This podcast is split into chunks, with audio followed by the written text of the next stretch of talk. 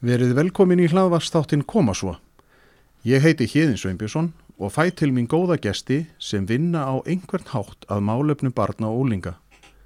Það er ósk mín að þátturinn Koma svo virki sem pepp fyrir foreldra, fagfólk og aðra sem hafa áhuga á málefninu því eins og við vitum þá þarf heilt þorp til að ala upp einstakling.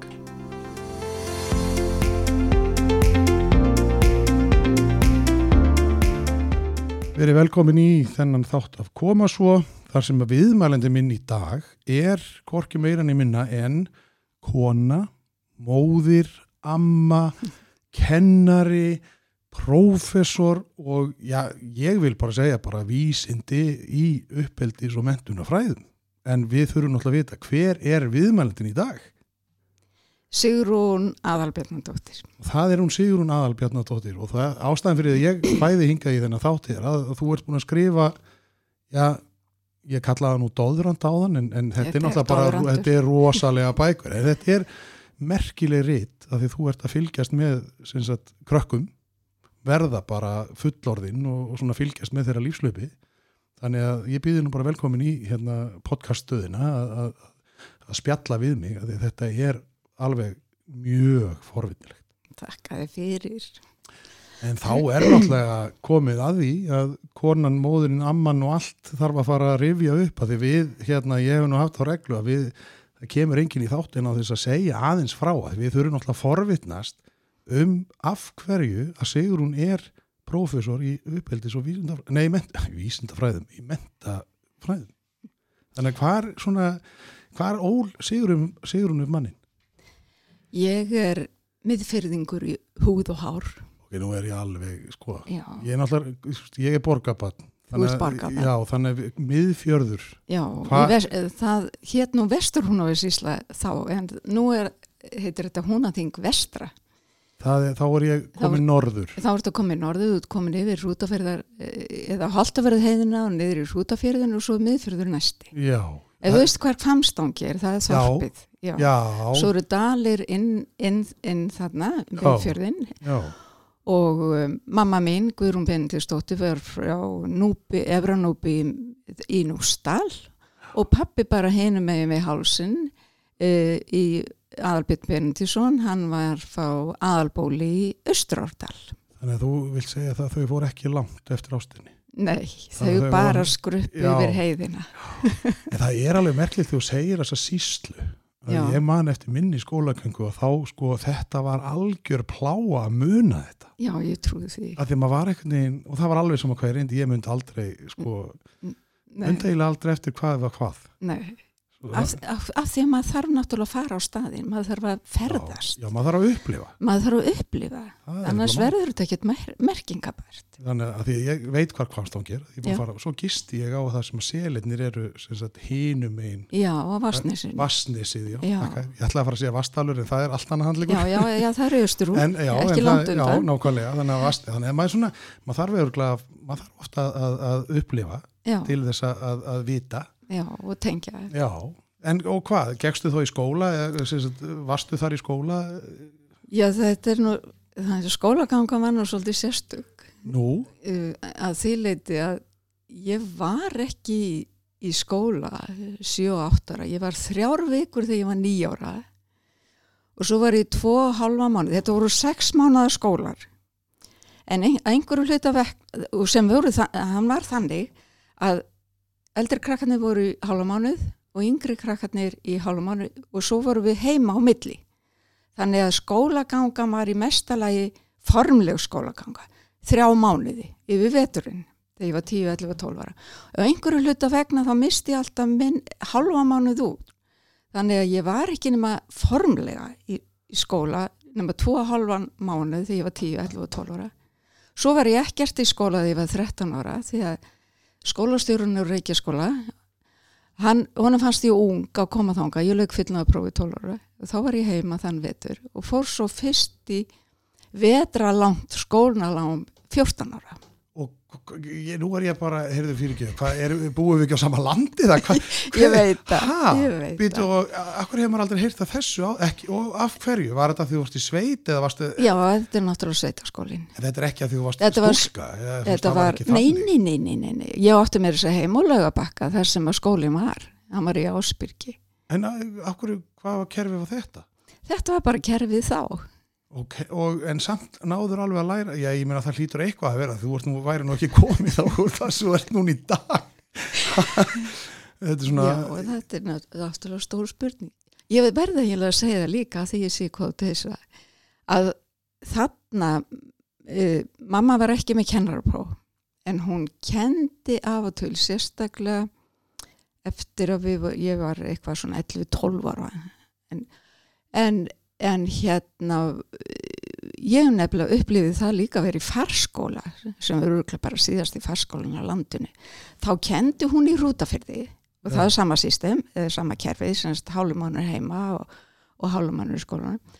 Og ég fór þann vetur með henni í rútafyrðin þannig að ég var upplifið það að vera í farskóla og farskóli þýtti það að það var kent á sveitabæjum og það voru tveir sveitabæjir í hrútafyrði þar sem kjenslan fór fram á Balkastöðum og Reykjum. þannig að krakkandi komum bara þangað Já, við komum bara þangað og gistum þar og borðum þar, vorum þarna í hálfa mánuð svo fórum við heim í hálfa mánuð, komum aftur eftir hálfa mánuð. Við fengum náttúrulega, sko, okkur var sett fyrir Já, þannig að það var nú ekkit þannig að ég, ég Já, hugsaði bara þetta verður nú draumur í dós fyrir hvaða krakka sem er, nú mátt þú eiga frí í 14 daga. Nei, nei, nei, okkur var sett fyrir. Já, en, en, en þú segir að mamma, ég var mamma þá að kenna, en samt ekki kennari. Já, já, hún verið sér að prófa að kenna fyrst 19 ára en hún kendi svo ekki í mörg, mörg ár en, uh, en hérna, já, hún var, hafði ekki kennari réttindi þarna. En það var náttúrulega kannski líka að því nú er, ég ætla nú ekki að segja að það sé eitthvað va- vegna aldursins eða eitthvað, því að tengdapappi var nú fættu 1918 Já, og hann bara rosalega virðingu fyrir kennurunum já, þá, af því þetta voru bara kallmenn. En svo þegar dæturnar Já. ætluðu að vera kennarar, að þá var þetta alveg neyninni, þetta var, Nei. þú veist, þá var svona, að því þá voru kennarar svolítið búin að, að vera með svona uppsteitt, að, Já, að já. launa kröfur og verkfull og, hún var bara svo mikið fyrir mentun. Já, hún Hún, hefur bara, henni fannst svo mikilvægt og bá, báðum fóldrum mínum. já, þótti alveg óskaplega mikilvægt að menta sig. Og kannski að því þetta er nú svona fljósætt hérna það, hún var semst frá Evranúbi og eina áttarsískina og þær voru sjö systur og eitt bróður og hann fekk að fara til Reykjavíkur í nám. Ó, og hann langaði svo ofbúslega líka og fór til að baðan, og hann leti það eftir henni að fara og það var í fyrsta skipti, hún var 17 ára fyrsta skipti sem hún fór til Kvamstanga til dæmis, þetta var þannig. Já, og hún fór til Reykjavíkur og var hér í tvo vetur held ég, minni mig. Og þegar hún kom tilbaka, þá var hún fengið til að kenna En Og- þe- þetta er rosalega sérstak. já, þetta er mjög sérstætt, en þarna sýnir bara áhuga hennar Já, á þessu að vera kennar og kenna börnum, vinna með börnum.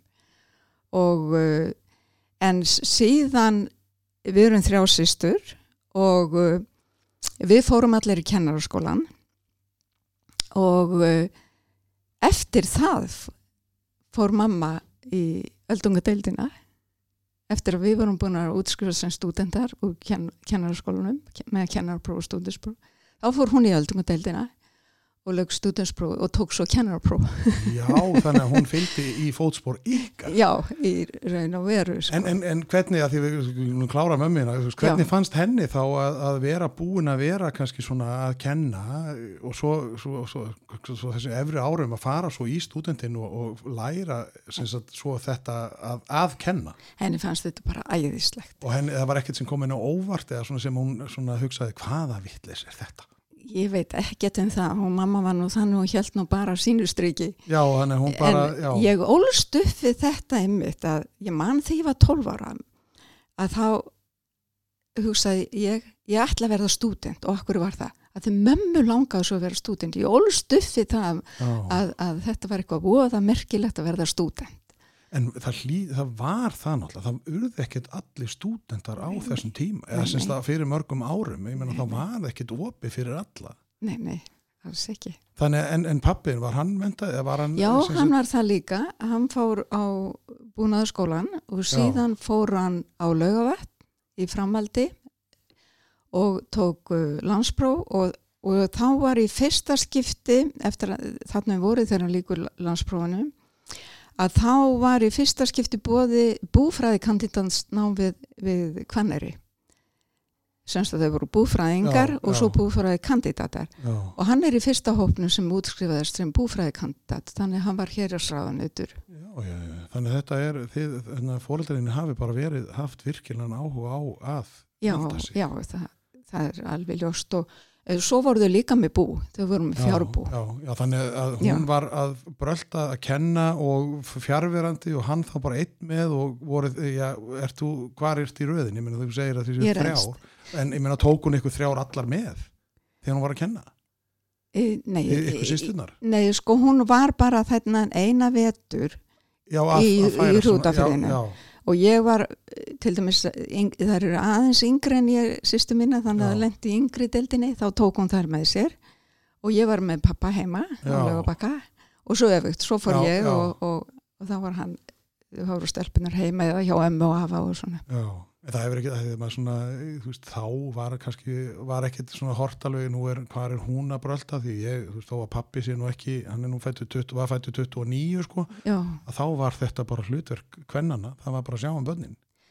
Já, já, ég held að pappi hafi ekkert verið að hugsa þannig um okkur. Ég var að reyna að elda mann í 11 ára og það var, það var aldrei skröldlegt Já, einhvers það, maður verður að byrja. að því að pappi rá, hér á sráðanutur og þá var svo gestkvæmt, það Já. var bara alltaf fólk og ég man að ég var að reyna mamma hafði svona útbúið hálgerða matrislu bók hvernig ég ætti að gera hitt og þetta en ég man eftir mjög neðalegu atvikið allavega. Já, já, sem að maður kannski er ekkert að, maður ræðir ekkert svona alveg. En, En, þegar, sko, þegar þú segir þetta og, og maður, það, maður það nú ekki vera mikill stærfræði síðan í til þess að, að hugsa að skólagangaðin hún hefur ekki verið tíu ár. Sko, Hún- ekki svona Nei. það sem við köllum um eins og í sko formleg skólaganga var ekki nema 8 mánuðir þar til ég var 14, 14 ára. ekki. En, en hvað, þá En- ferðu í rútafjörðin? þá fer ég á já. og það var alveg og stökk yfir bekk og ég man það ég held ég myndi nú bara falla því að ég hafði ekkert lært fyrsta bekkin En þú varst náttúrulega bara að fara hvað í, miða við í dag, þá ertu bara eiginlega að byrja í hvað áttundabekk eða níundabekk, þú veist maður, ég minnst þetta bara ótrúlegt. já en sko mamma náttúrulega kenda okkur heima undurstöðuna Já, og að skrifa og reikna og lesa og stafsetningu auðvitað bjúkum við allar sýstuna mjög vel að því já. En hún hefur verið, hérna, ég er bara alltaf að segja bara kjarnakvendi, þetta er bara var- rosalega upplög svona í þessu. já, hún var það Þannig að, að nú, já, annars væri nú ekki búin að skrifa þessar tvo, tvær bækur hérna, stórkostluðu bækur. En, en þannig að þú klárar, og hvað ertu lengi þá að reykjum? Meina, eh, tvo vetur Og ferðu þá hvað söður til þess að Já, taka stúdinsprófi? þá, þá sem sagt líki landsprófið þarna setni veturinn og þá var spurningin hvað ég gerði Já, og, uh, og hérna, já, ég ætti náttúrulega draumum að verða stúdent frá því ég var 12 ára. já. Þannig að uh, við sóttum um bæð á menturskólum Akurur og laugaverkni en, en ekki menturskólum í Reykjavík því að það, var dýrara að fara til Reykjavíkur já. En svo hugsuðum við málið og, og hérna kennaraskólinn var þá fann að útskrifa, útskrifa stúdenta. Og það var tvent sem kom, sem kom til uh, með þá ákvörðinu ég færi í kennaraskóla. Í fyrsta lagi þá, þá, þá var ljóst að þá ég myndi útskrifast 19 ára eða 20 20 ef við tækja stúdinsprófi og það var bara svo algengt að ungar stúlkur þá væru ófrískar komið börn kannski á þeim aldri. Já, eða það vera ekkert óalgengt til sveit og, og ég sjá að þorpunum þannig að það var svona praktísk ástæð eftir fjögur ár var ég þó komið með kennarapróf já og, og já. Þannig að þú fegst bara stúdendin og já, kennara og starfs já, ég bætti árið við mig já, til að fá stúdendi já, til að loka ekki fyrir háskóla leiðin eða mér langaði þangað. Já, svo var hinn ástæðan mín mér langaði rosalega mikið til að fara til Reykjavíkur. Þannig en, en og hvar var, byrju, hvar var kennaraskólin eða hvar var kennara hvað það? Kennar, Ken- hann kennaraskóli? þá hétt hann kennaraskóli sem bara í raun og veru framhaldsskóli já, og alveg óskaplega vinsælt og að emmitt, við vorum þrýr bekkir þarna fyrst en á eftir okkur kemur mikil skriða alveg fimm og sex bekkir og sjö og er það að- í gamla húsinu þar sem að kennara Já. félagið er í dag? Nei, Við- við nei, nei, ég var aldrei þar. Var, ég var í stakkalíðinni þetta var í já, í því húsi. Já, já, já, við vorum öll þar. Og þannig náttúrulega bara landslæði svolítið öðruvísi en í dag. Það bara sóttist fólk eftir að fara í kennaranám já, og alveg, ég man það að þegar ég lauk kennarprónu og stúdinsprónu það var ekkert gefið að fá starf í Reykjavík nei, og ég vissi ekki fyrir henni í ágúst að ég fór að tala við sko, í Breiðholtskóla já, það sem var nýr skóli, talaði við skólastjórun þar. Og þá réðan mig, ég var ekkert vissum ég fengi starf. Hugsaði hvernig þetta var. Já, það hefur bara ólíkt. verið margir um hítuna í raun sérst að margir Já. um hvert starf. Já, hlýtur að vera sko. Og hérna ég vildi óska að þetta væri svo lýs í dag. Já, já, en var ekki að koma góða fréttir að, að það væri aukning í, í umsóknum Jú, í, í það er- kennaran það er mjög góða fréttir en það þarf miklu meira Já, til. Já, það Já. er það er náttúrulega svo margt líka sem að kannski við sem erum að vinna með fólki að, að það er náttúrulega að fara að sjá að þetta sé greitt eða sem að mann er fái eitthvað fyrir. Já, af því þetta er líka, þetta er ekki bara að segja það að, að gera það sama ár eftir ár eftir ár heldur betur þetta, er- þú ert bara þitt verkfæri og það slitnar. Já, og það er ekkit, við fyrir ekkit á bílaverkstað og segjum bara, heyrðu, ég er reynað með vandar smá toppstykkið. En, en þannig að þú bara klárar kennó og Já. svo bara stúdent eins og þú ætlaðir þér og, og svo ferð þú bara að kenna. Já, og hvað ertu þá lengi í bregaldskóla og hvernig var svona fyrir já, ég ætla nú bara að segja það fyrir unga konu að fara inn og vera kennari? að þetta var náttúrulega karla, karlægt starf. Nei við vorum ansi margar var það, var, já, búið að breytast þá svona, Nei, nei, eða hvað? það voru eldri nei, nei, það, var- það var bæði eldri karlmenn og, og konur, einhverjar mjög flott fólk Já, sem ma maður lærið af. Þarna var ég honum mamma var, náði samt að verða mamma á leið já, já, ég var tvítug. Já, já, en og, og, og hvað var það þá þegar að, að fæðingaróla var bara hvað, Ja. þú fættir og svo bara tvær vikur á spítalinn og svo bara búið? Það já, ein vika á spítalanum og svo e ekkert. Já, ok, já, þannig já, að þá já. bara ertu komin já, Já, já, já, já, já. og hérna já, þetta var aldrei sérstakt að byrja í breiðhaldsskóla það var svo ungt fólki sem kom þarna inn í þennan nýja skóla, svona almennt en sem betur fyrir reyndir kennarar líka sem að aðstöðu okkur. En það var svo þétt setið að það var þrý skiptur dagurinn. Ég er ekki þegar breiðalt er náttúrulega líka byggjast og Alveg það er allt að gerast Allt og bara, þú veist, fólk mikið að koma. rót og fólki já, og allt. Og en þetta var feikilega gaman, þetta var svo gott samfélag kennara. Já. það var svo mikill hugur í okkur Og, og, og, og svona. voru þið dugleg svona þú veist, að, að augra þessu, sem sagt, að því að maður hugsar svona Já. að, að þeir sem er búin að vera lengi í starfi að þá svona, já, við gerum þetta svona. Já, og svo komið þið unga liði og það bara ætlið að breyta öllu og, svona, svolítið svona við ætlum nú örglega ekki að breyta neinu strax allavega ekki, en ég, ég hérna, þetta var mjög merkileg og dýrmætt reynsla að byrja að kenna þarna því að ég fekk tvo bekki annar bekkurinn byrjaði um hálf 11, 11 og hinn eftir það alveg til hálf 6 það bönnur hún þreytt.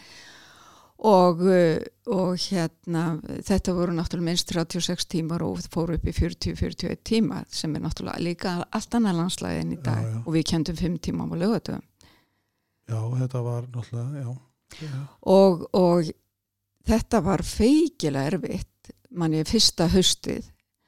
Það var sérstaklega með annan bekkina því maður hafði náttúrulega enga reynslu og Já, já, já, já. svona ungur og, og hérna og ég fekk bekk sem að hafði verið svolítið róta sérstaklega og svona svolítið virkilega flotti krakkar en, en nokkri svolítið erfiðir af því ég kunni náttúrulega ekki að á Nei, þá. já, já, já, og þau hafa kannski fundið það líka á þér að það var eitthvað óöryggi hjá þér að þið var svona ný Já. og alveg allt að gerast enga síður sem ég skil ekki svona eftir á. Það fannst mér svo spennandi sem að eitt kennarana, Sigþór eh, hérna, Þorgilsson, hann var að prófa svona ímis á hófinu með sínum nefndum. Og það, mér fannst þetta svo spennandi, ég vildi endilega prófa þetta líka. Og gerði það. Og gerði það náttúrulega með mínu nefn, já því ég var svo óörug Já, ég ákvað verkefnin. Ég ákvað hverjir voru saman í hópum. Ég ákvað hvað þeir ættu að gera Já, svona stjórn á þessu. Já, algjörlega. Já, og hérna en, en eh, svona þegar að líða tók á hausti þá var ég alveg búin að ná strákunum. Já. já, Já, þannig að þú hefur haft eitthvað sem að, að svona, sem að þeir hafa séð að væri Vistu, viltu vita hvað það var? Já. það var nefnilega aldrei sérstætt nú er ég bara að upplýsa ímislegt sem ég hef ekki sagt nokkrum manni frá. Að það var þannig að ég var mikil aðdáandi FH svona við sýsturnar við utanarlandi í handbólta Já, og við fórum alltaf í höllina og eftum þar og skemmtum okkur yfir Já. handbóltunum en, en hérna strákanir í bekknum mínu heldur með val. Svo einn morgunin þá hefðu þeir séð mér í sjóhanspinu vera þarna í lögatarsellinu og svona fagna og láta öllum millum látum. Já, og segja Sigrún, uh, varst þú í höllinni í gær? já, já sagði, og, ég, og ég hugsaði þarna hvað kemur hún nú? já. Guð, var ég ekki alveg örglega alveg eðlileg Nei, ég var ekki meira hvað nú takaði mig gegna Já. því að þeir, þeir eru náttúrulega valsarar þetta virtur Já, þannig að þeir sá að Já. því þú hafði svona áhuga á Eh, það- íþróttum og þá kannski funduði svona samilegan flöt það var alveg stórkvæslegt og við tölum aftur með handbólta þó, þó við heldum við, þetta voru bara tíu ára krakkar Já, það er náttúrulega þetta var eindislegt Já, þetta er náttúrulega, það skiptir ekki, jú, jú, það er svona eitt og annað varandi fótboltan en, en, Já. en þetta er svona íþróttin að geta náttúrulega, Já. eru svona, hvað heitir svona icebreaker eða hvað heitir svona, Já. svona til þess að, að byrja að ræða við einmitt við krakkana. Einmitt. En hvað, og hvað, og ég var með þau í þrjú ára, indisleg já, og hefur þau hitt þau síðan og, og, Já, svona, og hafa þau svona sagt þér, ég er nú kennara því að þú, ég, þú hefur þetta þér. ég átti nefnilega, það var svona eitt kennari sem var alveg, hún bara átt, sko, hún gæti verið svo ströng já, en aldrei kom hún fram við okkur eins og við værum einhver, einhverju villisingar og hún var alltaf tilbúin til þess að tala og, og taka á mót okkur og svona, þetta náttúrulega var hún hörð á að við áttum að læra eitthvað. En sko maður sá hann oft svona byrsta sig, svo snýra hún sig við og fór að Mm. skrifa töfluna og þá hristist hún sko. Af því þá var hún alveg að kapna úr hlátri yfir vittlisun í okkur sko. Þannig maður viss alveg að henni fannst þetta mjög skemmtilegt sko. En, en hún þurfti náttúrulega að halda agan Þannig að það er svona oft svona, þú hefur kannski verið eitthvað, þeir hafa kannski, eða einhver hefur kannski séð svona framtíðastarfið að vera kennari. ég veit kannski ég hef ekki heyrt ná í þeim en ég hef heyrt meira í öðrum bekk sem ég kendi þarna líka setna Já, þau hafa hóað í mig oft þegar það eru svona einhverjar einhver bekkjar samkoma það er nefnilega, þetta er svo, gaman að hitta þau. það er bara indislegt Svona þegar maður er búin að, því að það er velun að maður svona sjáu þau og fái, maður er svona iljanmanni um hjartarættin þegar maður hittir já, krakkana. Heldur Nema- betur. Reyndar eitt sem var hjá mér í félagsmyndstunni, hann var átján þegar hann ákvaða að verða pappi já, og ég láfi í ringdi og sagði bara, hvað er þetta að gera krakki? Nú er ég eins og afi. já, að mér fannst ég við vorum mjög svona, við fýbluðumst mikið og svona. Og ég, mér leiði svo, ég væri nafi já, samt er það alveg fjarrri lægi sko, en, en þetta, eh, þetta er bara, veist, það er svo gaman að fylgjast með þeim. Já, og sjá hvað, hvað, hvað verður úr þeim og, og svona sko. En hvað varstu þá lengi í, í hérna bregðalskóla? Já, ég var uh, ég var í, í sex ár þar. Og, og, Þa, er, það, já, og, var það þá bara að, að sagt, varstu þá var það þar sem þú byrjar svona að hugsa um sko, þetta leiðir? Að því við erum náttúrulega, ég er náttúrulega að þig að starfinu í já, dag. ég veit að já, nei, veistu það að þannig var að, að maðurinn minn hann lauk sínu háskólaprófi og við vorum aldrei vissum hvort við vildum vera í Reykjavík og það var miklu þægilega fyrir okkur að fara út á land þá. Við fórum til Vestmanni og vorum þar í þrjú ár. Já, Og, en eh, á þessum tíma gerðist reyndar fleira meðan ég var kennar í Breiðhalskóla að ég var beðin um að koma í, í hóp í, í skólaþrónudeldina sko, eða skólarannsóknudeldin var, var hún kalli og, og á vegum myndamálraðanetsins já, og sem ég námsifni í samfélagsfræði. Þannig að ég byrjaði þarna s- 73 í, í þeim hópi að semja námsefni í samfélagsfræði sem var alveg rosalega mikill skóli já, undir handleyslu Volgans Edelsteins e, sem var ráðgjafi mentamálur áhverja og einn af stopnendum Max Planck stopnenduninn í Berlín. Og mikill mentafrömmur og það var feikilega feikilega spennandi og, og, og mikið vinna og, og gefandi. Og ég prófaði allar hugmyndirnar ég samti námsefni fyrir áttaraböld já, sem heitir Kondileitum Sveit og Bæ. Og, og hérna og þetta var allt samvinnuverkefni þetta var alveg frá sjö ára og upp í, upp, upp í unglinga, uh, unglingsárin já, þessi hópur, stór hópur og við rættum hu- hugmyndi hv- hvert annars og, og gaggreindum og uppörfiðum og annað og, og unnum, ég vann mikið með kennirum á þessu tímbili. Þeir voru tilruna kennara bæði sunnan og norðan heiða já, og prófiðu efni sem ég var að semja og ég endur skoða og þetta, þetta tók alveg sjö ár. Og ég held sem sagt þessu áfram þegar ég fór til Vestmanna, ég kendi þar einn vittur en, en þá var ég komið með annan bann og, og, en held áfram og, og lauk við að endur skoða þetta námsefni. Já, þannig að sem kom út uh, 77 og 80 í tveimur hlutum Þannig að, að, að þar hefur svona fengið aðeins mjörþifin af að vera í einhverju svona þróunar verkefnum og, og svo náttúrulega þetta með að, að ég man líka veist, að, að við eh, skóla, eða ég man allan að ég öfindi alltaf eitt bekkin, það voru fjóri bekkir í mínum árgangi Já, og þau fengu alltaf Já. og, og það var þau voru alltaf að prófa alltaf eitthvað, alltaf eitthvað nýtt. Í hvað skóla veist? kásniskóla Já, já, og það var svona hérna, það var svolítið ó- skemmtileg eða, þú veist, svona Já. öfund smá svona við vorum alltaf í þessu þurra en, en þau voru alltaf að gera eitthvað Já.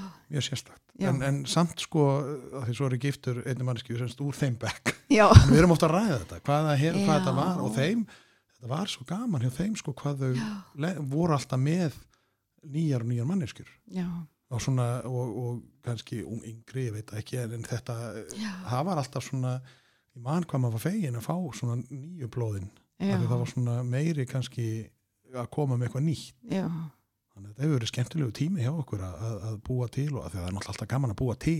Já. og, og gera svona eitthvað uppörfandi Já, þetta var alveg stórkostlegt, stórkostleg reynsla sem að bara lagði grunninn að ymsu hjá mér, bæði náttúrulega kennslan sjálf, Já. mín eigin kennsla og þetta starf með kennurunum að ég fekk bara svo brennandi áhuga á þessu. Ég hafði alltaf áhuga á hvernig þáttum sem ég fyllt eftir alveg frá því að ég var, var bara barn en, en svona sem hefur bara tekið á sér ímsa myndir já, á lífsgöngunni en, en þarna fekk ég já við, við þetta við höfðum hugssjón og við ætlum ég var náttúrulega bara 25 og ég held ég geti breytt skólakerfun á Íslandi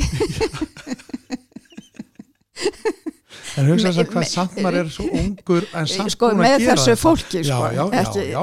ég var nú ekki ég held nú ekki að ég geti það einn en, en, en, en sem, svona mér fannst ég vera að vinna því í, í þessum hópi að virkilega að breyta sem þetta virkilega ekki áherslu þess að virkni nefndar, mæta nefndunum þar sem þeir eru, vinna með Já. þær vinna með samskiptu, vinna með tilfinninga vinna með sjálfsmyndina sem er grunnur að, ná, að náminu sem er sem sagt En, en, en að því að þú segir sko að, að, að þú ert 25 ára eða þú veist að því að þá er náttúrulega þetta með að, að oft var það nú þannig að Já. þú varst eiginlega bara hlutur þú bara komst inn og það átti bara svona að sko þú átti bara, þú átti bara að taka við það var náttúrulega ekki þekkt að þú, þú svaraðir á móti eða þú veist, áttur að hafa skoðun eða þú veist, hvar er það sko að því þú segir 77, 80 virkni, Mhm. þú nefnir svo mörg orðarna sem að eru, þú veist, hvenar, að því að það var nú svo sem ekkert vinsalt að maður var eitthvað að svara á móti eða að segja, þú veist, nei, Mm. heyrðu, ég er ekkert sammála þessu, Mhm. að því að,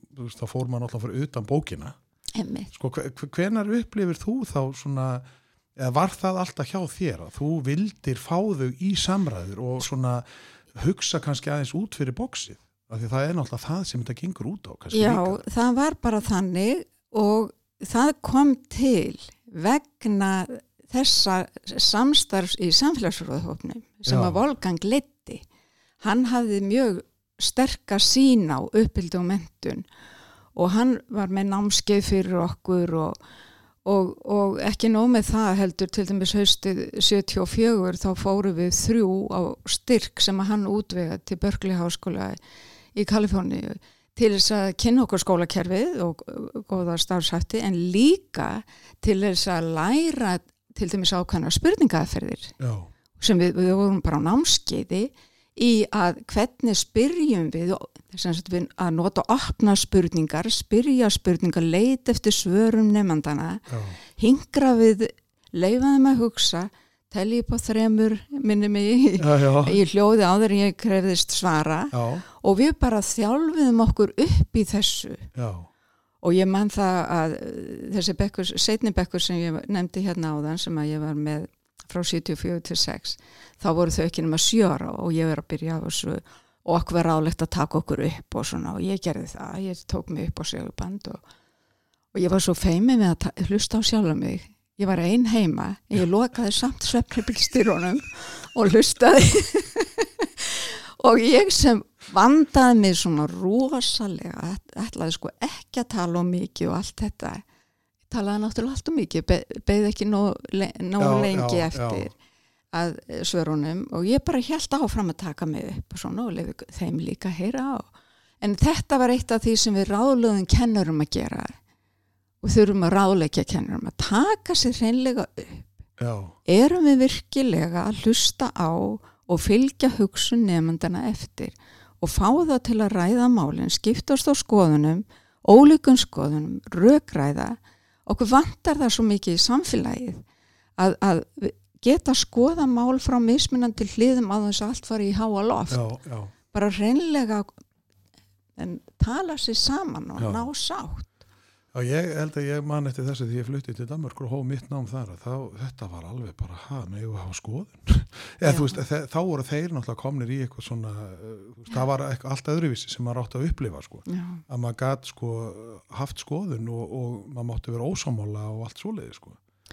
Og ef ég má bæta við að þá er mér þetta, þetta er eitt af því sem mér er mjög hugleikið að því ég verð verfið bæði með íslenska rannsóknir og þetta líka er erlendar rannsóknir að það er, ég hef áhyggjur af því að við leggjum ekki næga rækt við samræðina, hvorki heima fyrir í heimahúsum og þessum nótum og samræður í skólastarfi því við, erum að taka við tölvinni eða og annað, þeim finnst þeir ekki fá nægilega tækifæri mm. ekki framhalskólanum heldur þó að sé orðin svona gömul. En er þetta ekki, sko það er oft sem að maður hugsa að, að, að sko tíminn er alltaf orðin svo knappur það þarf að ná alltaf svo mörgu Já, er sko hverju, hver, hver er forgangsröðinni? Já. Maður þannig að spyrja sig að því, hver er menta sín kennarans? Já.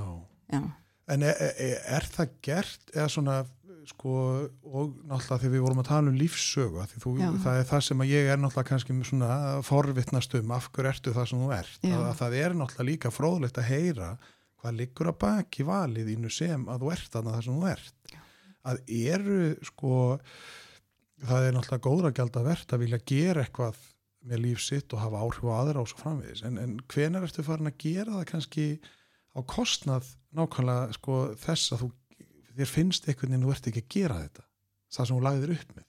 Skilur hvað ég við að við, að við erum, þú veist, jú, ég ætla það er oft sagt að við erum með köllun eða þú veist, Já, þú ert já. allan ekki að vera í þessu til þess að vera ríkur Svona eins og það, eins og maður segir að það er eitthvað, að það er eitthvað við bróspanna að sjá, ná árangri að, að, að þú læri, þú sérð að, að krakki eða bat sem er búin að ströggla að, að loksins þegar það sér og maður bara sér ljósa perun að fara í gang já, og maður bara, yes, Já. Þetta var ljótt, já, á maður að segja. Þú veist að þar sérðu augnabliki þegar hann er að viðkomandi er að uppkvötva já. Og það sá ég hjá nefndum mínum. já, Það var svo hvetjandi og upperfandi og það sá ég hjá mörgum kennurum sem við vorum að vinna með, já. Markvist. en, en, en er þetta, finnst þetta vera þannig í dag svona, þú veist, að, að gefa okkur tíma? Sko, það sem ég, hef, mér finnst nefnilega mikil gróska núna. Já, og ég segi nú, nú þetta er búið að taka 30 ára. já, Það er nefnilega heilmikið í gangi núna já og mér finnst óskaplega gaman að- fylgjast með á, á hérna, fjesinu eða hvað við kallum það. á Facebook, já, Facebook. kallum þetta, já, Já, það er hérna skóla umbjóta spjall og þar eru settar inn ímislegt, núna sko eru kennarafarnar að deila miklu meira því sem þeir eru að gera. Þeir hafa verið að gera mjög flotta hluti í áranar ás og ég var alltaf gaggrínt á fyrir þegar ég tæki fyrir til á svona kennarafundum og að láta ekki samfélagi vita hvað þeir eru að gera flotta hluti. Já, núna er sko leifi, leifa samfélagsmiðlarnir það meira og ég hef svolítið, ég hef það tilfinninguna sem mikil gróska í þessa veru og ég sé, maður sér það líka bara í stefnumótun erlendis frá í uppbyldis og mentamálum við sjáum þetta í námskránum núna miklu sterkar og við sjáum þetta núna einmitt hjá Reykjavíkuborg já, það eru bara komin alveg leikil þættir þarna sem að, sem að hafa ekkert verið svona áberandi í, í, sko, þe- í umræðunni nei, eins og félagsfærni og, og, og slíkt. Já og, og mentastefna núna, hún er Já, þannig að þá getur sko félagsmiðstöðarnar og frístundaheimil, það geta allir já, verið með og fundið sinn flöt í að, að vinna með barnið. og það, þetta er svo mikilvægt af því að við vorum að tala um æsku mína. Ég var bara alltaf að leika mér. já. Ég var svo lítið í skóla. Ég finnst bara ótrúlega að þú sért það sem þú ert í dag. En, en, Nei, en nei. hvar er leikurinn þá? Að því við erum Já, að hvað um? Sko við erum að tala um virkni og allt þetta sko að því að sko ég er bara hrís hugur við að, að fimm ára krakkar að það er að fara að setja þau í skóla. Já, mér, ég er alveg samanlega. Sko, sko hvenar eigum við að leifa bara krökkunum að vera sko hvenar, að því að það er einhvern veginn þannig að, að við, mér fannst ég vera opbóðslega fullon þegar ég var 13 þegar ég fór sko upp í, í gaggó. Mm. en ég meina svo þegar ég var að vinna í félagsmyndstöðum hérna ára maður núna í Kópóið þá var þau voru bara búið með allt það sem ég var að gera í svona, þú veist, á fjögur sko á, í blokkum, Já. skilur að maður var svona undibúa já, nú ætlum ég að fara að gera þetta eftir fjögur ár. Eða þú veist, þá voru þau bara búin. Og ég var alveg, hvað ætlum ég að vera að koma með krakka fyrir tvítugt eða skilur að þetta þeim lá svo á. Já. og maður var alveg bara svona, heyrðu, krakka mínir róið ykkur, þú veist, þið eigi alveg eftir að ná veist, Já. það er allt lífið eftir sko. Já, og það er það svona sem sko, hvena eru við samfélagið að leggja mikla kröfur á krakkana? Það er góð spurning. Það er mjög góð spurning. Ég veit, það, við veitum að vannlíðan batna eða kvíði hefur aukist bara Mhm. núna upp á síðkastið og við þurfum náttúrulega að finna út úr því hva, hvað veldur. Það er sjálfsagt margið þættir. En ég er sammálað þér með það að ég vil ekki vera íta þessum greinum að batna eins og lestrarkenslu öðrun er í fimm árar ekki, eh, leikskólana. Til hvers, þe- þetta er tím þau læra svo mikið í leiknum og ég- um samskipti og, og, og hvernig maður kemur fram við annað bara með því að vera í leiknum. Og mín reynsla er nú svo að, að sko hvert barn hefur sinn tíma til að verða læst. Já, og, og ég vissi ekki einu sinni af því þegar að eldri sonum er var hann fluglæs sko bara, það gerist bara 1, 2 og 3 einhvern veginn að þann hafði áhuga að lesa myndabækur. Já, og það, ég tók þess afstöðu strax þegar ég var með þá litla. Að þetta það, það bara kæma að því þó það var ekki nákvæmlega 5 ára eða 6 ára alveg fluglæst eða, eða slíkt þannig að mér finnst að ég að gefa krakkonum þetta rými en álægið ég sko, þetta er, það er örgla misjæmt en þau, þau eru í rosalega miklu starfi fyrir utan skólan já, svo ég var það er svo tala marg, já, já. margskonar sko í svo mörgu. Já, það er náttúrulega er- frítíminn og fótboltinn og þetta og hitt sko, því að svo var ég að tala með hann Bóas sem er Já. skólasálfræðingur í MH og það sem að þeir skoðuðu sko að vinnutímið þeirra er ekkert bara 40 tímar, bara 50 þú veist þetta, já, og þá svo á eftir að ræða við vinna, já, og því að það er bara einhvern veginn kröfunar að þau vinni. Já. Og sko, og þetta, maður er bara það er eins og við stytting framhaldsskóla og, ég var ekki hlint henni þó að, þó að þetta sé svona erlendis að að mér finnst þetta bara svo mikið mikilvægu tími til að þroska með sér margt annað. Félagsþroskan, tilfinningaþroskan, siðfyrðisþroskan heldur en að vera alltaf reynda horfandi í bókina. Já, já og, og einhvern veginn að fara ég prófum með vikulega Já. jafnvel og annað, ég er ekki hrifin af því. Ég er nú búin að sjá sem ég segja komin á þann aldrei bara þóra að segja það alveg kallt Ég, það ég hef ekkert farið, ég, meni, ég á tvíbura sem eru í Kvennó og mentorskóla sund og báði skólar mjög skemmtilegir. Já, en sakna að þau, mér, ég held þetta er því, sko við erum búin að náttúrulega tala um þetta hjónin, að, að þetta var í okkar huga skemmtilegast í tímin, Já. að það var allt að gerast og skemmtilífið og félagslega og allt þetta. En það er bara svona eins og að sé búið að ræna þau sko einhverjum parti svo, svo, á ég svo erfitt með að setja sko já. fingurinn á sko hvað það er. Já, þau, þau, ég maður bara heyrir það í kringum sig að, að þau hafa ekki tíma til Já. að sinna því félagslífinu, til dæmis að taka þátt í leikritum eða einhver, eða ýmsum, svona ýmsu félagsstarfi já, á vegum skólans. þetta er náttúrulega og er, og hvað er verið að kenna við þurfum líka að skoða það. Já. En er, er held, finnst þér sko að, að, að því að nú er ég svo sem búin að vera að stríða fólki að, að skóla, það er alltaf að tala um hvað skólinn er búin að þróast og ég svo sem er alveg komin á það stig að þannig er auðvitað er hann búin að þróast. Já, en þannig er ennþá 40 mínútu kennslustímin það er ennþá sko 25-30 krakkar eftir því sem verða eldri í bekk. Það er ennþá ef ég ætla að segja á ennsku bara one size fits all. Eða skilur það svo var komið með þarna hérna, skóla án aðgreiningar og, og einstaklingsmiða nám og, og svona. En einhvern veginn hefur maður samt alltaf á tilfinningunni eins og það er bara þannig að ef að þú ert ekki partur af þessum 15 sem ert bara í miðjunni mm, leiður komið með þessar 5 sem eru eitthvað og 5 hérna með eða semst vinstra hægra megin sem er eitthvað svona fylgi ekki norminu eins og við bara að þá er bara ekki plás Mm. sko eru við í stakk búin sem kennarar eða sem sko skólakerfi að sko getu við þetta?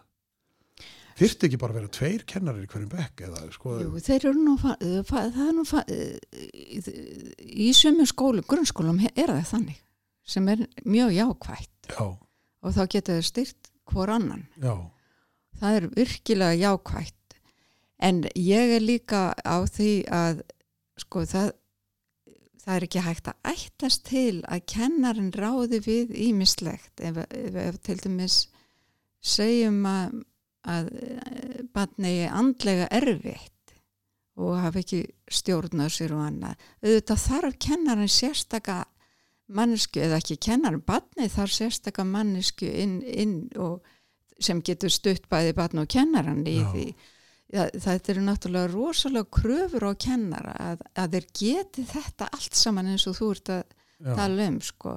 en ég er ekki hlind röðun í bekki ef Nei, aldrei verið Við getum alveg verið samanlega það, það Já. er aldrei, kann Nei. aldrei góður lukka stýra sko, að, eins og Þorsteinn Ragnarsson hérna kom og sagði okkur Já. að, í viðtali að hann var svo heppin að kunna lesa Já. þegar hann fór í vogaskóla Já. og, og var settur í ABEC Já, það var röðun í bekki þegar ég Já, byrjaði að og kenna svo varstu bara fastur. Ég upplifið, ég var eh, einmitt þetta fyrsta árið allavega og ég vil tvö, það var raðaði bekki og, og, og það var mjög mi- mikil reynsla fyrir mig að, ég, að fara inn í bekkin sem var lagast settur. Þau hefðu, sjálfströsti var ekkert. Og, og sum þessara batna bera þennan stimpil að hafa verið í Tossabekk allæfi þetta bara gekk ekki. Þetta, ég hef aldrei, alltaf tala fyrir blöndun í bekki. En það er spurning hva, hvað þarf að koma til Já, til þess að starfi gangi eðla fyrir sig? Ég þekki svo marga kennara sem að e, náttúrulega þetta er mikið álag ef að börn eiga erfitt. Mm, í, að það var nokkri einstaklingar eiga erfitt í bekknum að það er náttúrulega ekki að grín þegar maður er að reyna að vinna með hópin Hvernig mannstug þegar þú varst að kenna bæði í breiðaskóla eða þú varst með þá kannski eldri krakka eða í ég, í minningunni minni þá var það bara þannig að ef það var einhver svona óstýrlátur já, að nota það orð og svo bara var viðkomandi farin í sveit. Eða þú veist, það var, var úrræði Já. að, að senda viðkomandi bara einhvert í sveit um, Þá- yfir, um veturinn Já, þá var náttúrulega verið að senda það bara í einhvern annan skóla eða sem að var kannski Já. með svona sér vinnu eða hvernig sem að, sko, hvernig var þetta fyrir þig sem ungan kennara ef það var Mhm. svona, það var þetta náttúrulega ekki kallað krakki með andlega eh, einhverja vanheilsu, þú veist, þá var þetta bara, þú varst bara óstýrlátur og þú veist, hvað gerði þú sem ungu kennari þá, svona, hvernig mannstu það, svona, Nei, hvernig ég, fann, ég man ekki, kannski hef ég ekki haft vit á því að það væri einhver andleg, andlegir erfileikar en ég var náttúrulega í þessu be, eh, hérna bekkjakerfið þarna fyrsta árun allavega. Svo held ég mínum bekkjum eitthvað, ég er að reyna að rifja þetta upp. Ég man aldrei eftir því að þurfa að taka á neinu svona. Nei. og, og hérna ekki neitt sérstaklega. Það væri gaman að sko hitta, sko, þú veist, að svona að, að ef maður gæti rifja þetta upp að því þetta, í, í minningunni minni þá er þetta bara þannig, ef þú varst með ykkur læti já, eða svona, ef þú varst sko ekki húsum hæfur, að þá Já. varstu bara tekin út úr menginu, já, þannig að þetta, þetta var svolítið svona, en svo kannski getur vel verið að ég bara muni þetta vittlust, ég, ég man þetta ekki alveg. Að því að, þú veist, að það er bara alveg svo þetta með, svo sem eineltið, þú veist, að akkur þarf, það er svo oft þannig að, að þólandin já, þarf að fara, já, í staðið, þú veist, eins og ég myndi já, segja, bara taktu gerandan bara út, en það er náttúrulega svo miklu meiri skilningur í dag og miklu meiri virðing borin fyrir fjölbreytileikanum heldur en var, var Mm. þá. Já, já.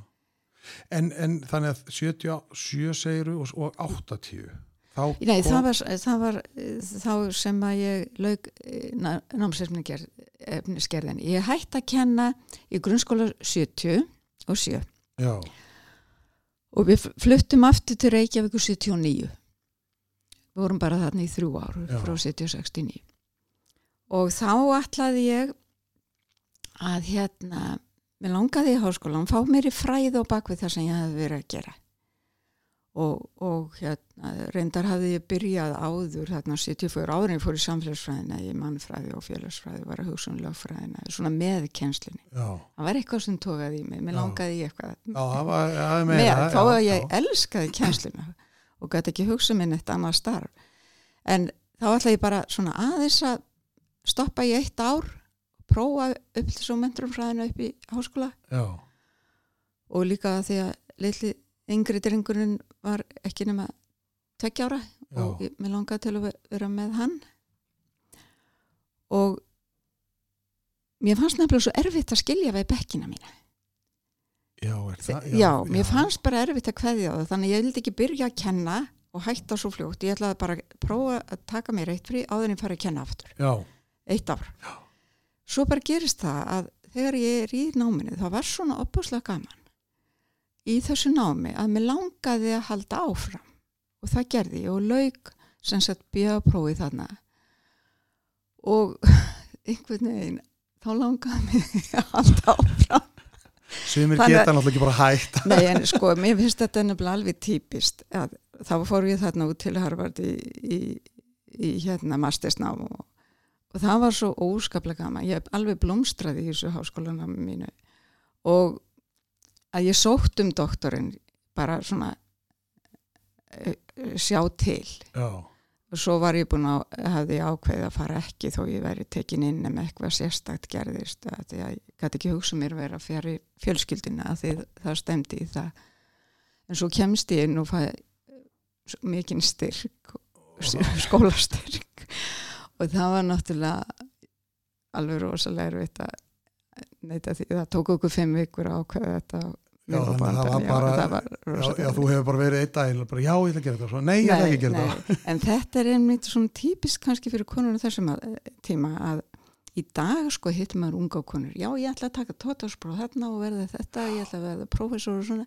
En það var ekki hjá mér. Ég, ég var sem sagt bara ætla að fara svona eitt vitur í háskólan svo var öruðið það sem sagt laugðið mig bjá og svo ætla ég bara að fara einn vitur í masterinn og svo skilur við Og hvar var maður þinn í allir þessu? Var hann þá bara heima hérna með krakkana og þú, eða varstu með litla með þér? Nei, þá var hann alltaf vantilega orðin skóla. já, já, Já, eldri drengurinn okkar var unglingur og hann kom með mér út í mastersnámu og þeir komu svo um áramótin við vorum öll saman þar já, þannig að hann, Fyrsta já, veturinn. að, og, og, enda þetta með því að þið voruð öll þá bara meðan þú varst að, að Nei, nei, svo bara þurftu gatbóndin ekki verið lengur frá en ég fekk svona sérstakar undan þá til að vera meir, mikið heima. já, já, þannig að þeir hafa séð sér auðma á konuna frá Íslandi alveg bara, já, hún á alveg. fjölskylduna. Já, Og hvena klárar þá doktorinn? 88. Og þá er Ég flýtti mér eins og ég mögulega gat náttúrulega. er þetta smert sprellup eða er ekki, ekki, ekki ákveðin og, og þú veist ákveðin hluti sem þú þarfst að bara fara í gegnum og, Jú, jú, ma- mikið kursunam og, en, en ég bara einbytti mér og vann mikið og já, kláraði þetta fjórum árum með doktorinn. og, og hvað, svo þá klárar og kemur heim og ferði þá beint í, í háskólan eða, og þá bara byrjar ferillin aftur og þá ert að fara að miðla viskuðinni til kennara væntalega eða hvað?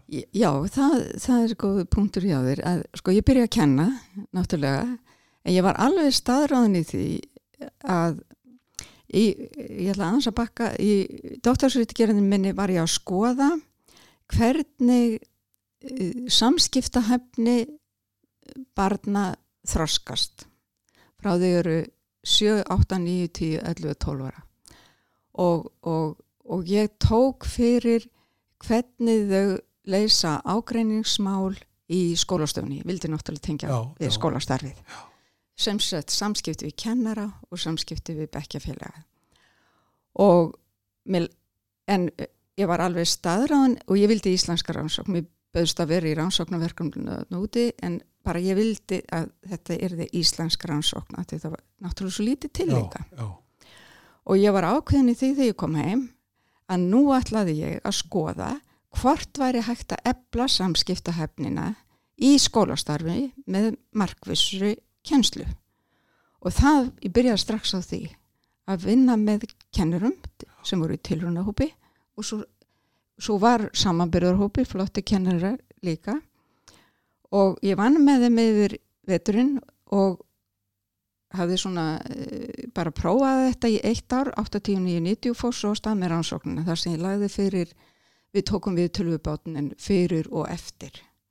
Og aðtöðum sem sagt ég var aðtöð hvort að þessum börnum færu meira fram í samskiptahefni við kennar og bekkjafélaga bæði hugsun, hvernig þau leysa ágrænsmál og eins í daglugu skólastarfi. Þetta var heilmikið rannsókn miða við sambyrðurhópin og ég fekk mjög jákvæði neðustur úr því. Og bókin sem þú nefndir á þann sko, önnur bókana þarna virðingu umhyggja ákall 2001. aldar er um þá rannsókn og, og svona í víðu samhengi. Já, já það, er, það er þá bókin sem að kemur, hún kemur út. 2007 Já, já, og en er það þá, sko, þá þessi vinna sem bara byrjar þegar þú kemur heim Já. frá London, eða sem frá úr mistaranám, nei, hérna úr doktorsnáminni já frá Boston. Já, já. Og, og hérna Já, þar byggði ég náttúrulega á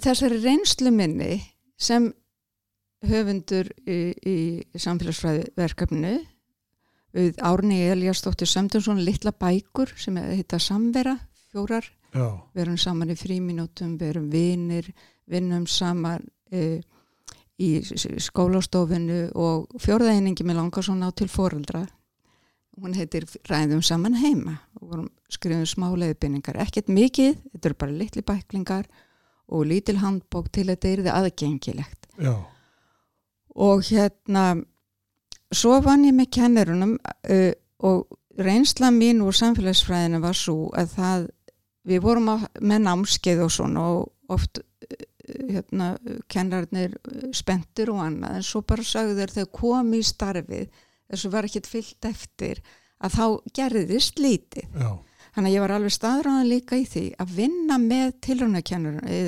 eða kennurunum í tilrunahofnum allan veturinn. Já, og við hittumst alltaf hálsmánaðilega eða þryggja vegna fresti yfir allan veturinn á, á kvöldin. Og það var voða áskaplega skemmt Já, þannig að bara þú varst að í rauninni bara með liðseldara vinnu og bara Já, já. svona, já, pepp eða svona að, Já, ég var bara með námskeið já, með fræði og, og aðferðir og annað en þeir læriður náttúrulega mest á sjálfum sér. Og, og einhvern veginn út af þessari reynslu þá hafði ég vit á því, sá ég eftir á þegar ég fór að lesa litteratúrin eða, eða hvað hefur verið skrifað um þetta að ég baða um að skoða alltaf kennslun sína. Og þau skrifið alltaf smá skýslur og svöruð nokkrum spurningum bara sko, hvert er markmið með, með þessari kennslustund? Uh, og hvers vegna? Uh, ætla, hvaða aðferðir ætla ég að nota til þess að ná þessu markviði okkur eru það góðar aðferðir? Og síðan eftir kennslustundina, hvað gekk vel og okkur ætli það verið? Hvað gekk ekki eins vel, okkur ætli það verið? Hvað get ég gert betur næst? Svona, þetta uppfyllt kennarinnir alltaf og ég sapnaði þess alltaf saman. Í 2-3 ár líka eftir rann, rannsóknum var þegar ég var bara að vinna með kennurum já, alveg frá 89 til 95 og þá sá ég allt í henni ég var komið þessu ósalögu gögnum hvernig kennar að hugsa og hvað eru að gera. Já, og þá verði ég svo spennt að fara út í rannsóknina á því sem ég, ég kalla upp, uppbyldus og menta sín kennara og hún kemur líka fram í þessi, þessari bók hérna verðingu umhyggja. Já. Það sem að mér fannst skemmtilt við þessa bók mm. að, og þetta er náttúrulega bara heilmikið lesning og, en, en það var þetta með sko að þú varst fann að líka að tala við krakkana. Já, alltaf. Og, og, og svona alltaf að vísa í svona maður gætt lesið svolítið um sko svona hvernig og, og hvað þið værið að pæla eða þú veist, þetta, það var það sem heitlaði mig og, og, og hvernig, en hvernig var það sko hvernig er það fyrir þig sem svona sko fræði konu, ég minna þetta er náttúrulega þú ert bara í þessu að hrærast í þessu og tala við kennarna og svona að sko verðuru ó, hvað er hérna frústreraður hérna Já, sko svona, ef, ef þér finnst þetta ekki ganga, eða þú veist að það er svona breytum þessu, eða svona komið svo, veist, ekki gefa Já, meinar, meinar í mentakerfinu Já, Já, ég verð að viðkenna að ég er svolítið, hef verið svolítið vonsvíkin með það hvað samræður hvað lítið er um samræður við bönnin og ungmennin og unga fólki bæði heima fyrir og í skólastarfinu. Það er eina, heitt allt er alveg glimrandi, skilur. Ég- að því að mér er þetta svo eitthvað í mun sjálfsagt frá þessum tíma að, að þegar maður er að vinna með þessar spurninga aðferðir og, og finnur hvað það er, ge- gefur börnunum og gefur fullorðnum fólkin líka. Það er svo skemmtilegt að tala við unga fólki en, og börnin nefndum mín komið mér svo alveg stuð þetta Já, óvart. Já, já, og það, það er náttúrulega það, það fyrir utan hvað þetta er þroskandi fyrir þau Já, að velta, fyrir, velta ymsu fyrir sér. Og, og, og mér finnst það svolítið sárt, sko, ég, ég hef svona áhyggjur af samræðinu líka með þessu, sa- þessari samfélagsmiðlunar notkun með þessum ofbúslega mikla vinnutíma íslenskra fóruldra í samböru aðra þjóðir, það er alveg með það eru sko 82% hvenna, 87% karla sem vinna út á Íslandi, meðaltalið í Evrópu eru 58% hvenna og 74% karla. Já, þannig að það er svo mikið eitthvað, það, mér finnst svo, það verðist að vera svo lítill tími til sko það er allir þreyttir þau koma heima daginn. Hvenær er hægt að eiga svona góða samverustundur um helgar náttúrulega?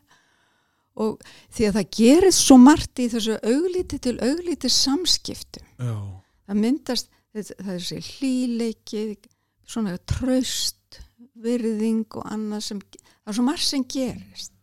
En, en ef, að, ef að ég sko núna miða við hvernig þín æska var að þú varst þarna í sveitinni og, og miða með mín æsku þá Já. sko ég hugsa bara um jafningafræslu að sko Já. ma- pappi vann alveg eins og ég veit ekki hvað sko. já, og, og mamma, þó að mamma var heima já, þá var hún náttúrulega bara að sinna heimilstörfunum Já. og, ef hún var e- e- ekki að sinna heimilstörfunum þá var hún að sauma í veist, e, og þetta, þá var hún kannski bara í sínum heimi sko. Mm.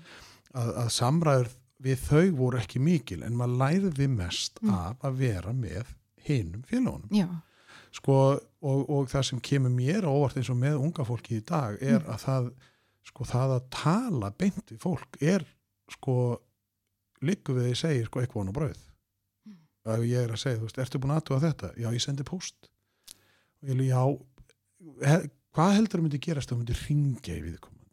Skapa tengslin, þú veist, það maður svona hvar er þetta í dag, eru við bara, er, liggur okkur svo á? Við erum alltaf svo mikið að einhvern veginn svona ég sagði einhvern tíma að þetta væri svona lassi fer sko því að við vitum ekkert hvað gerist á morgun. Eiga fjalla, jökull, hekla, kalla eða hvað allar þessar, eld, allar þessar eldstöðar heita sko að við lifum svolítið bara fyrir daginn í dag. Já, ég vona bara að það sé ekki þannig og mér finnst það er rosalega gaman og gefandi að við, taka við tölvum út fólk og, og í öllum mínum rannsóknum ger ég það.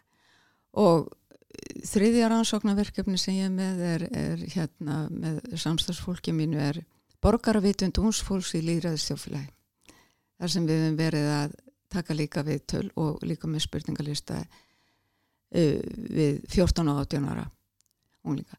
Og þar kemur ímislegt fram. Þeir sakna þess að hafa það skul ekki vera meir umræður bekkjastarfi til dæmis. Mm. Og gefa ímis mjög góð rauk fyrir því. Og að, að bara það sé skemmtilegt kannski eða sjá, að það sé forvitnilegt að heyra skoðanir annara mm. það getur kannski breytt minni skoðun og, og svona þau nefndu svona, því miður manni ekki mörg dæmin en þau nefna svo margt sem er svo merkingabært og, og ég held að við eigum að sem fullorðu fólk allir, við, því við erum allir við, það er ekki bara fóreldur og kennarar, við bara sem frængur og frændur og, og ömur og afar og svona. Að reyna að leggja okkur meira fram að reyna að ræða við börnin. Og, og þetta er þjálfun. Það er volið erfitt að reyna að byrja eins og, eins og ungling, hérna, unga fólki í bókinu minni nýju þarna lífsögrungsfólks e, samskipti áhættaðun styrkleikar. Það kemur fram hjá þeim þegar þau eru orðin fólkdra það þýðir ekki að fara að byrja á þessu þegar maður er unglingur. Það verður að byrja strax að tala við þau. En er að því þú nefnir þessa nýju rannsók þá borgarveitundana Já, það er þriðja verkefni. Já, að, að þú talar við 14 ára og 18 ára. Já. Og er það þá rauðið, eða gerur þá aftur að þessi 14 ára þegar þau eru án 18, hóvar í Nei, þau aftur? Nei, þetta er eina rannsóknarverkefni sem ég verið með sem er ekki með langtímusniði. Já, ok. Það, mér fannst það Já. svo heitlandi við nýjubókina að maður er að lesa um afdrif sko að þeir sem voru í fyrir, þú veist, það er svona samingið á milli að sjá sko hvernig þeim reyti af. Já, en kannski að lýsa því aðeins fyrir áhærundum að, að í þeirri rannsók sem ég kalla e, samskipti hvað, hvað kalla ég hann aftur? Já, samskipti áhættuðum styrklegur únsfólks það já, er rannsókn sjálf, langtíma rannsókn og ég fylgdi heilum árgangi eftir í Reykjavík frá þau voru 14 ára með spurningalistum, rosalega miklum spurningalistum, þannig að þau voru 22, 22 ára, sem þau voru 14, 15, 17, 22 Já. og svo um 20 þeirra sem þú ert að vísi að frá því að voru á 16. árið þar til þau voru 32-30 ára Já. og þá voru þau orðin foreldrar Já. og en það er voru viðtölinn þannig að það er það, er það sem og ég spyrði þau þar í þessum lífsögum, það, það eru lífsögurnar í bókinni um, um samskiptu við foreldra, við vini og uh, setna maka eða ástkonur eða mm -hmm. og, og bönnin þegar þau eru sjálfvarandi foreldra Já. og þá eru þau að skoða sko, hvernig þau vilja alla sín bönn upp í ljósið þess hvernig þau voru alveg upp. Það er mjög skemmtilegt já, já svona, þetta fer í ringi sem vilja alls ekki fara eins og, eins og pappa og mamma og, en einhver hlutu vegna ger alveg eins og mamma og pappi ég ætla nú aldrei að verða eins og mamma og pappi ég er samt svona en, ég segi, hluta, já, að hluta. Að hluta. Tekur, tekur að góða, tekur að góða.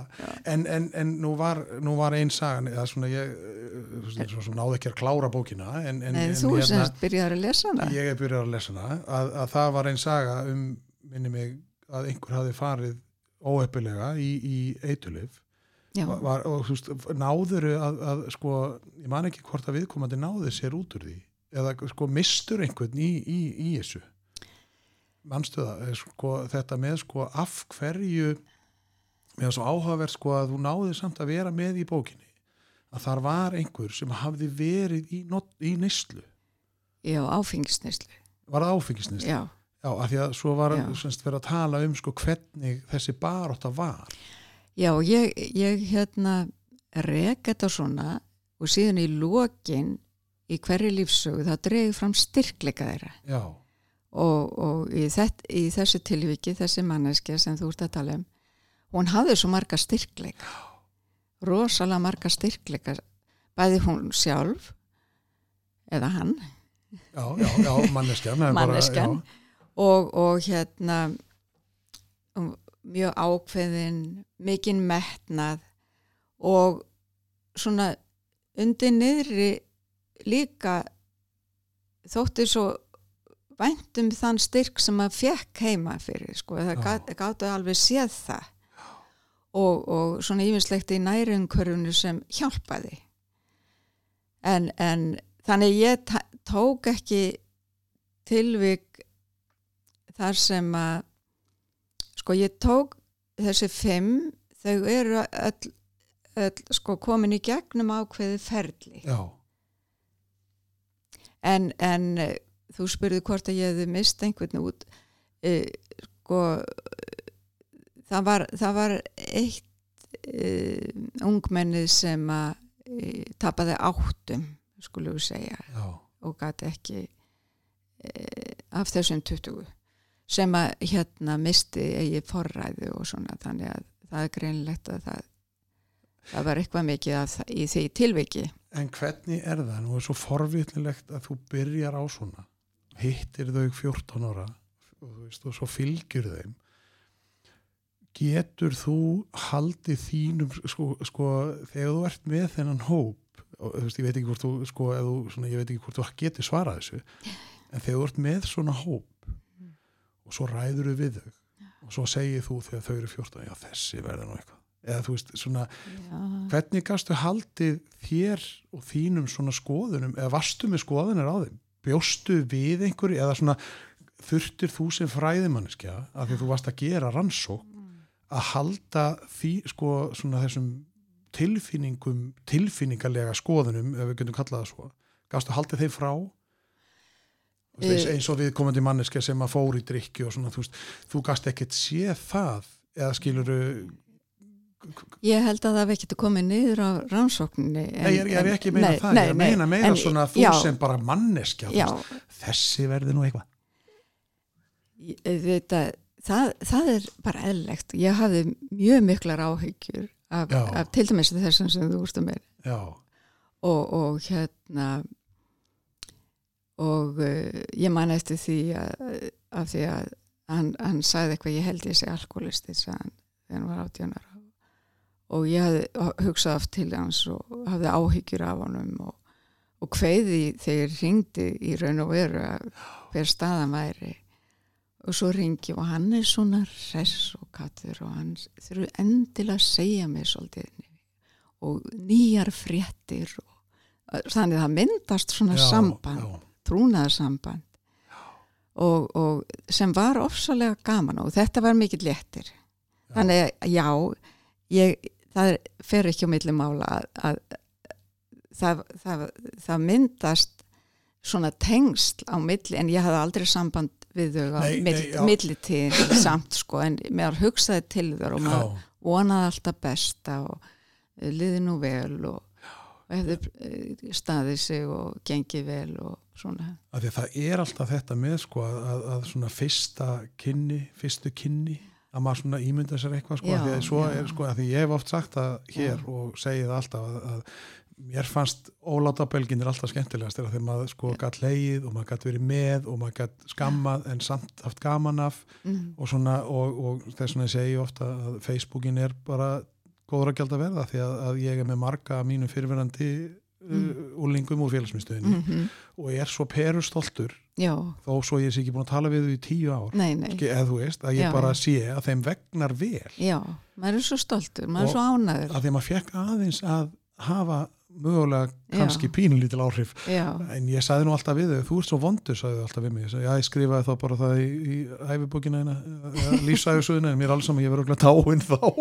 Nei, veist, þetta, þetta er bara svona þetta með að fá að vera með Já. og, sko upplifa drauma, sorgir eða sko hvað það er. Mhm, þannig ég svona ímyndaði mér sko þegar ég las þetta ég er bara, vá, hvernig ætla að sé að vera og vera í svona mörg ár að tala við eitthvað mhm, og sjá sko hvernig lífsagan verður já, og vera með skrásett. Já, þannig að mér, mér varst það svo heillandi við bókina mm. að því að svo er þetta náttúrulega veist, þetta er bara einhvern veginn svona demant, leikur við að maður sé forvitin.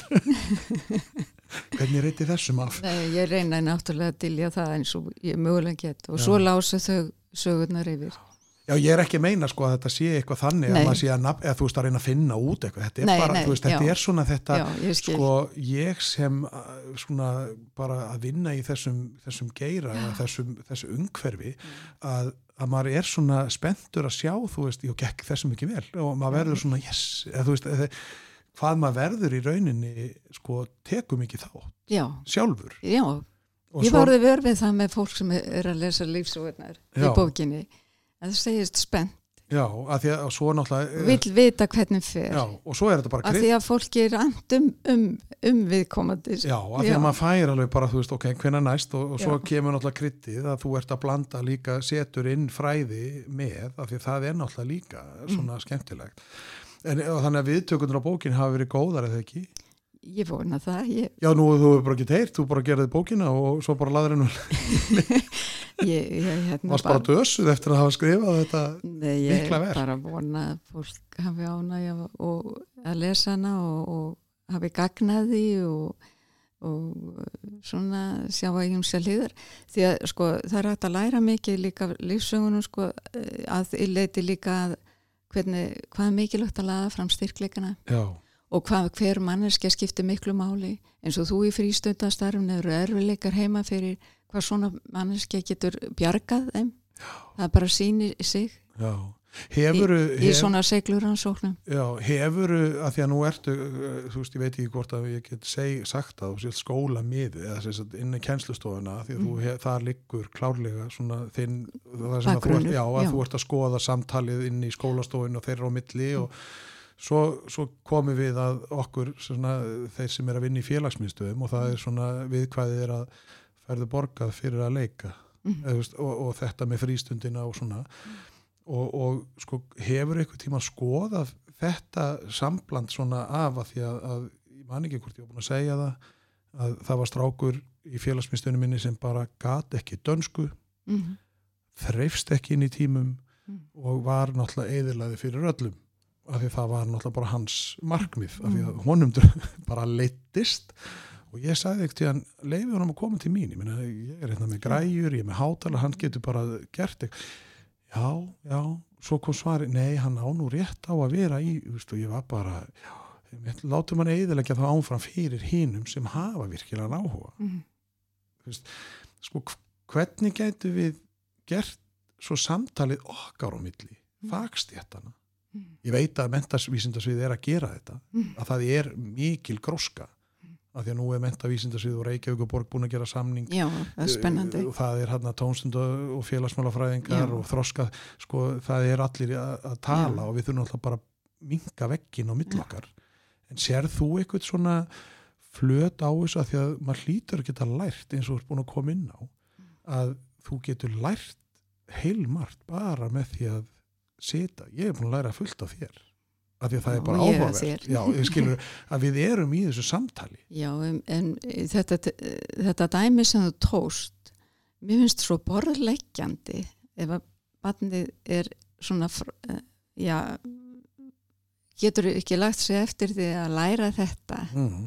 fag, kannski bara tímabundi þess vegna. Að, að að leifa þig að gera eitthvað annað sem að hefur áhuga á að læra. Já af því að það er mérst oft svona ekki það að ég dáist að því. Að því ég myndi aldrei vilja vera kennari. Ég prófa, ég prófa margt ævina.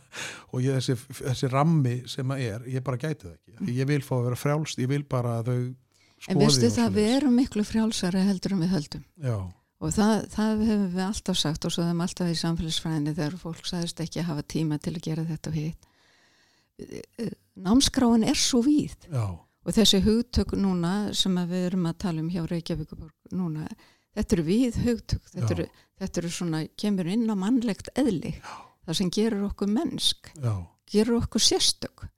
Félagsefnin og, og, og, og, og hérna leggja áherslu á líðan leggja áherslu á, á uh, sjálfsmyndina og sjálfseflinguna og uh, nýsköpun og svona frumkvæði. Því að fólk er svo ólíkt Já. það getur sínt frumkvæði á svo mismunandi sviðum. Já, og, og ég er vissum að það verði framtíðina að við reynum að koma meira til móts við hvert batn en auðvitað verðum við að hafa einhvern grunn já, en það þarf ekki að vera sami grunnur fyrir allan um einhver alveg, alveg bara svona algjör grunnatriði. Já, til dæmis, mér langar að taka dæmi að, að hérna í íslenskan sem er, það er nú viðkvæmt að tala um íslenskunum því hún er svo mikilvæg og það er engin spurning.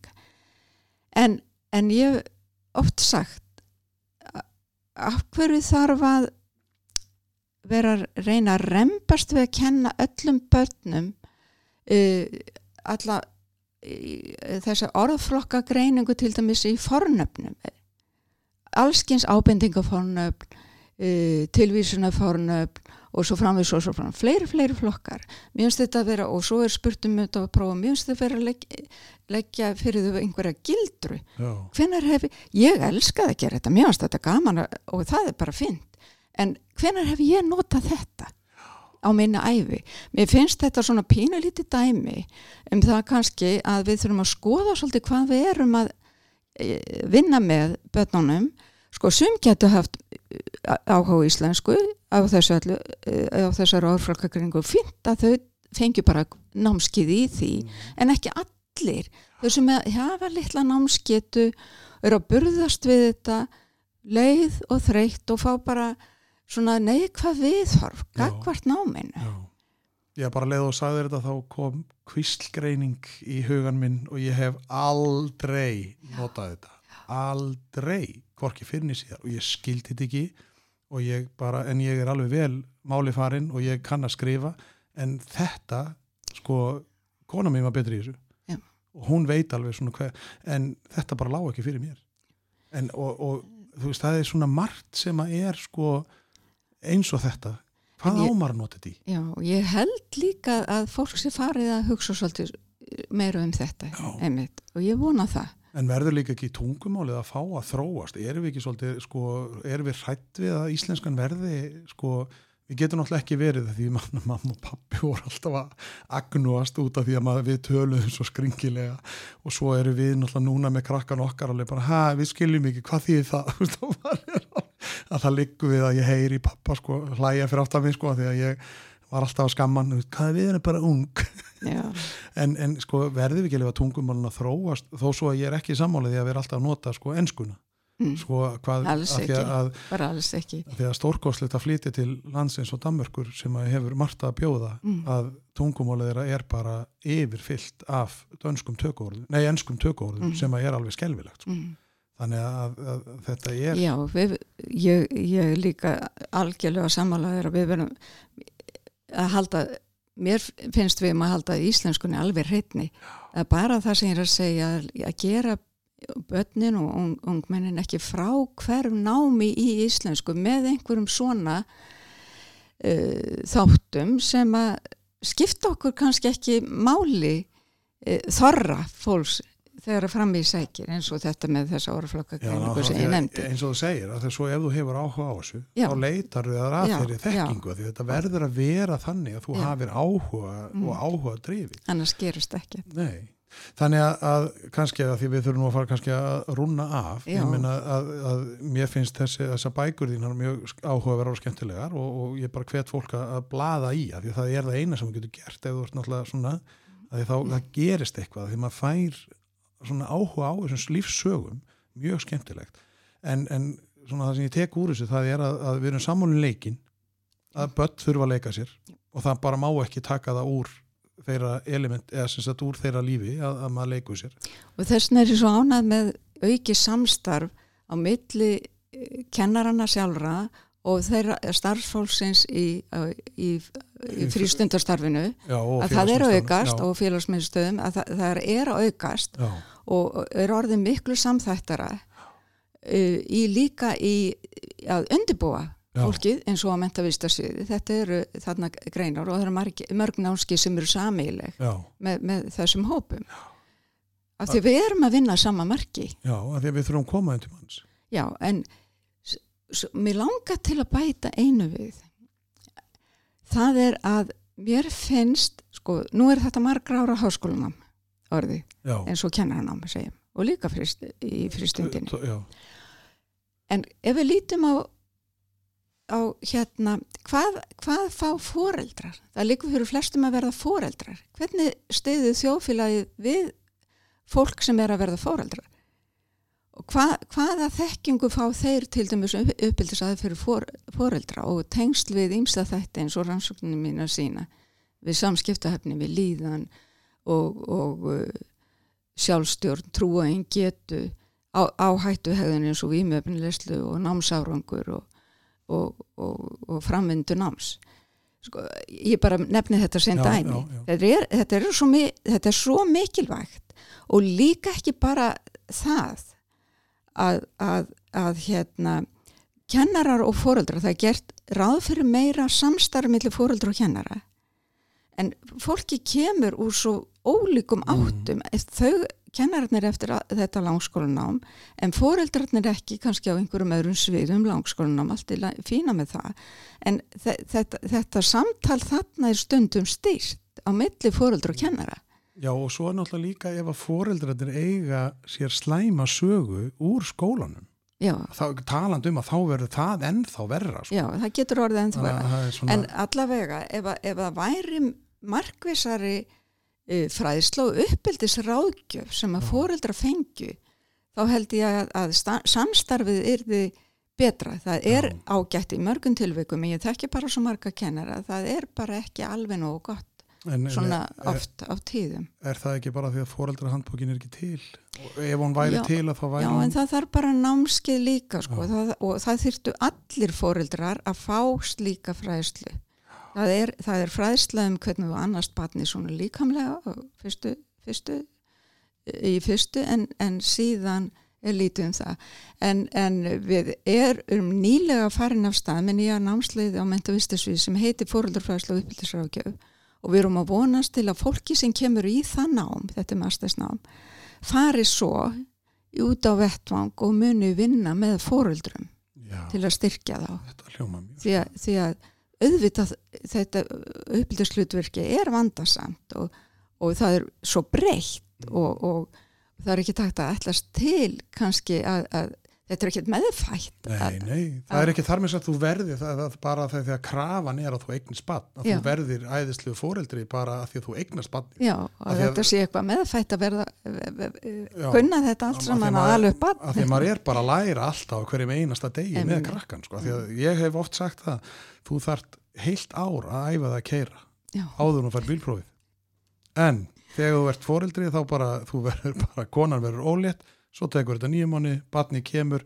og svo er þið bara, heyrðu hvernig líður þér? Já, farið heim. Og það er ekkert með því. Og svo er sem sagt, reyður þá, náttúrulega innsæðið er alveg að fara og e, skilur það, það er svo margt, þannig ég er bara ég er svo ánæður að fá að bara ná þér í hús. Takk af því að fyrir þú það. ert náttúrulega bara hafsjóra fróðleik og náttúrulega mér finnst nú bara undarlegt að þú hafi komist í þetta að þú sér prófessor með þessa löngu skólagönguðina í, í, þegar þú varst yngri Nei, bara, þetta sýnir bara hvað við erum sko margvísleg og, og fjölbreytileg. Þannig ég vil bara þakka kærlega fyrir að koma því að, og ég vona að fólk svona, tek, skoði nú bókina þína þessa lífsugur af því þetta er er svo gaman að sjá og maður finnur hvaða sko, það vegnar öllum vel. Allir hafa eitthvað fram að færa. Og ég held að það sé svona, við verðum að horfa á það þannig. Allir hafa eitthvað fram að færa. að takk kærlega fyrir að koma sér hún og þakka þér fyrir að bjóða mér. Það var nú bara það að takk kærlega. Takk sem við leiðis